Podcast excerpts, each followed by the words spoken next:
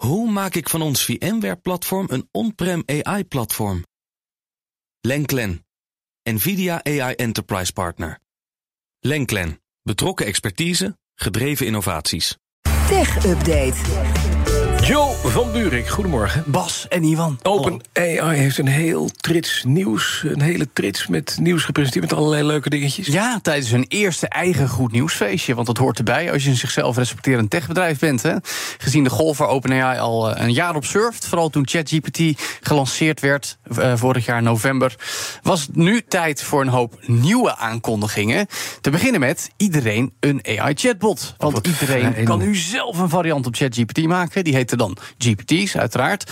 Voor één specifieke toepassing, zoals het uitleggen van wiskundehuiswerk voor je kinderen, of een spelletje, of ja, Bas, misschien ook wel een radiodraaiboek maken. Je weet het niet. We moeten het maar eens gaan proberen, hè, Ivan? Ook voor particulieren dus? Ja, eh, echt gewoon voor iedereen. Eh, de, sterker nog, je hoeft er dan ook helemaal niet meer voor te kunnen programmeren. Want voor techneuten onder ons is het helemaal niks nieuws. Maar ook, mm, nou ja, jij kan het een beetje. Maar mensen die niet kunnen programmeren zoals ik, die moeten dit dan straks kunnen doen. En Bas. En er komt ook nog een soort online marktplaats. Kun jij programmeren dan, Bas? Nee? Oké. Er komt ook nog een online marktplaats waarop je ze dan eh, kan eh, verkopen en vandaan halen. De GPT Store. Daarnaast heeft OpenAI GPT-4 Turbo aangekondigd. Want ja, Turbo blijft een mooi modewoord om aan te geven dat iets nog beter is. In dit geval nog krachtiger. en Oh, vooral beter, improved. Nou, Ja, maar eh, één belangrijk ding moet ik erbij zeggen. Nee, nee, het is ook nog actueler Oh, dan jee. het taalmodel Ja. waar ChatGPT nu op draait. Want ja, we hebben het vaak gezegd hè, dat die ophoudt bij ergens eind 2021. ChatGPT de oorlog in Oekraïne niet eens kent. Maar nu is hij gevoed met data tot april van dit jaar. Oh. Dus oorlog in Oekraïne kent hij. Het conflict dat uit de hand gelopen is in Gaza en Israël dan nog weer niet. Maar dat is een ander verhaal. Eh, al zal dat de 100 miljoen mensen die ChatGPT wekelijks gebruiken misschien niet tegenhouden. Dat is het aantal dat OpenAI nog even communiceerde over de gebruikers nu. Bovendien kun je nu nog meer input gaan geven. Een heel boek.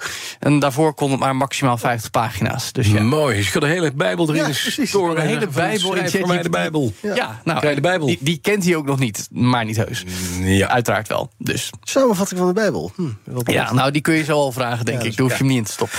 Ander nieuws voor ons werelddeel. Daar worden politieke advertenties aan banden gelegd. Ja, een interessante actie vanuit het Europees Parlement en de Europese Raad. Die hebben namelijk een voorlopig akkoord bereikt in het kader van vooral zulke online advertenties. eh, die dus ook door politieke partijen worden uitgezonden, juist in deze tijd.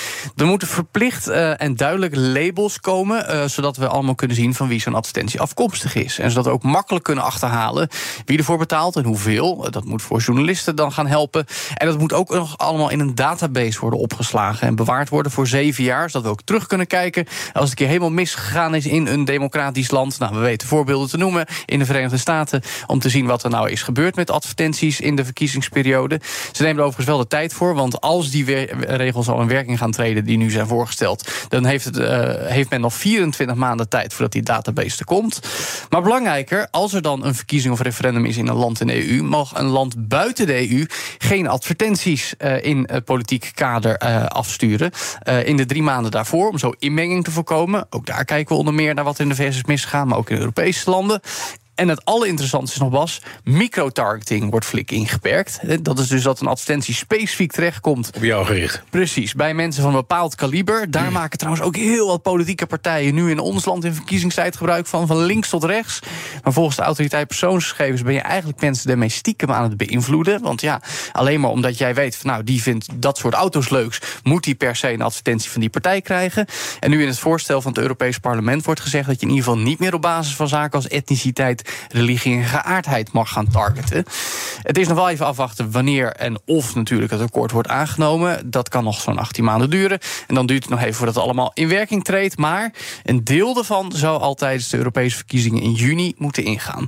Om ons al een beetje beter te beschermen. Ja, en dan had ik gehoopt dat ik nooit meer Wel, Bas. hoefde te doen Gaat in weer deze over- update. Het gaat weer over NFT's. Ja hoor, natuurlijk. Ja, toch? Ja, Even ja, geleden. Ja, oh man. De Board Ape Yacht Club. Ja, toch? Ik Ja, hoop dat ze nu collectief hebben gedacht... weet je wat, we gaan al die Board Apes gewoon weggooien. Of nou, ik denk In- dat in sommige de oceaan. mensen- Plaatjes, hè, uiteraard. Maar Bas, ik denk dat sommige mensen nu heel serieus met dat idee spelen naar wat er nu gebeurd is. Want ja, het gaat weer over die plaatjes van verveelde apen. Die Ja, ja. twee jaar geleden nog voor honderdduizenden dollars per stuk werden verhandeld als NFT's. Tegenwoordig zijn ze bijna niks meer waard. Eh, maar In Hongkong werd er nog even een feestje gevierd door mensen die daar nog wel mee bezig zijn. Dat heet Apefest.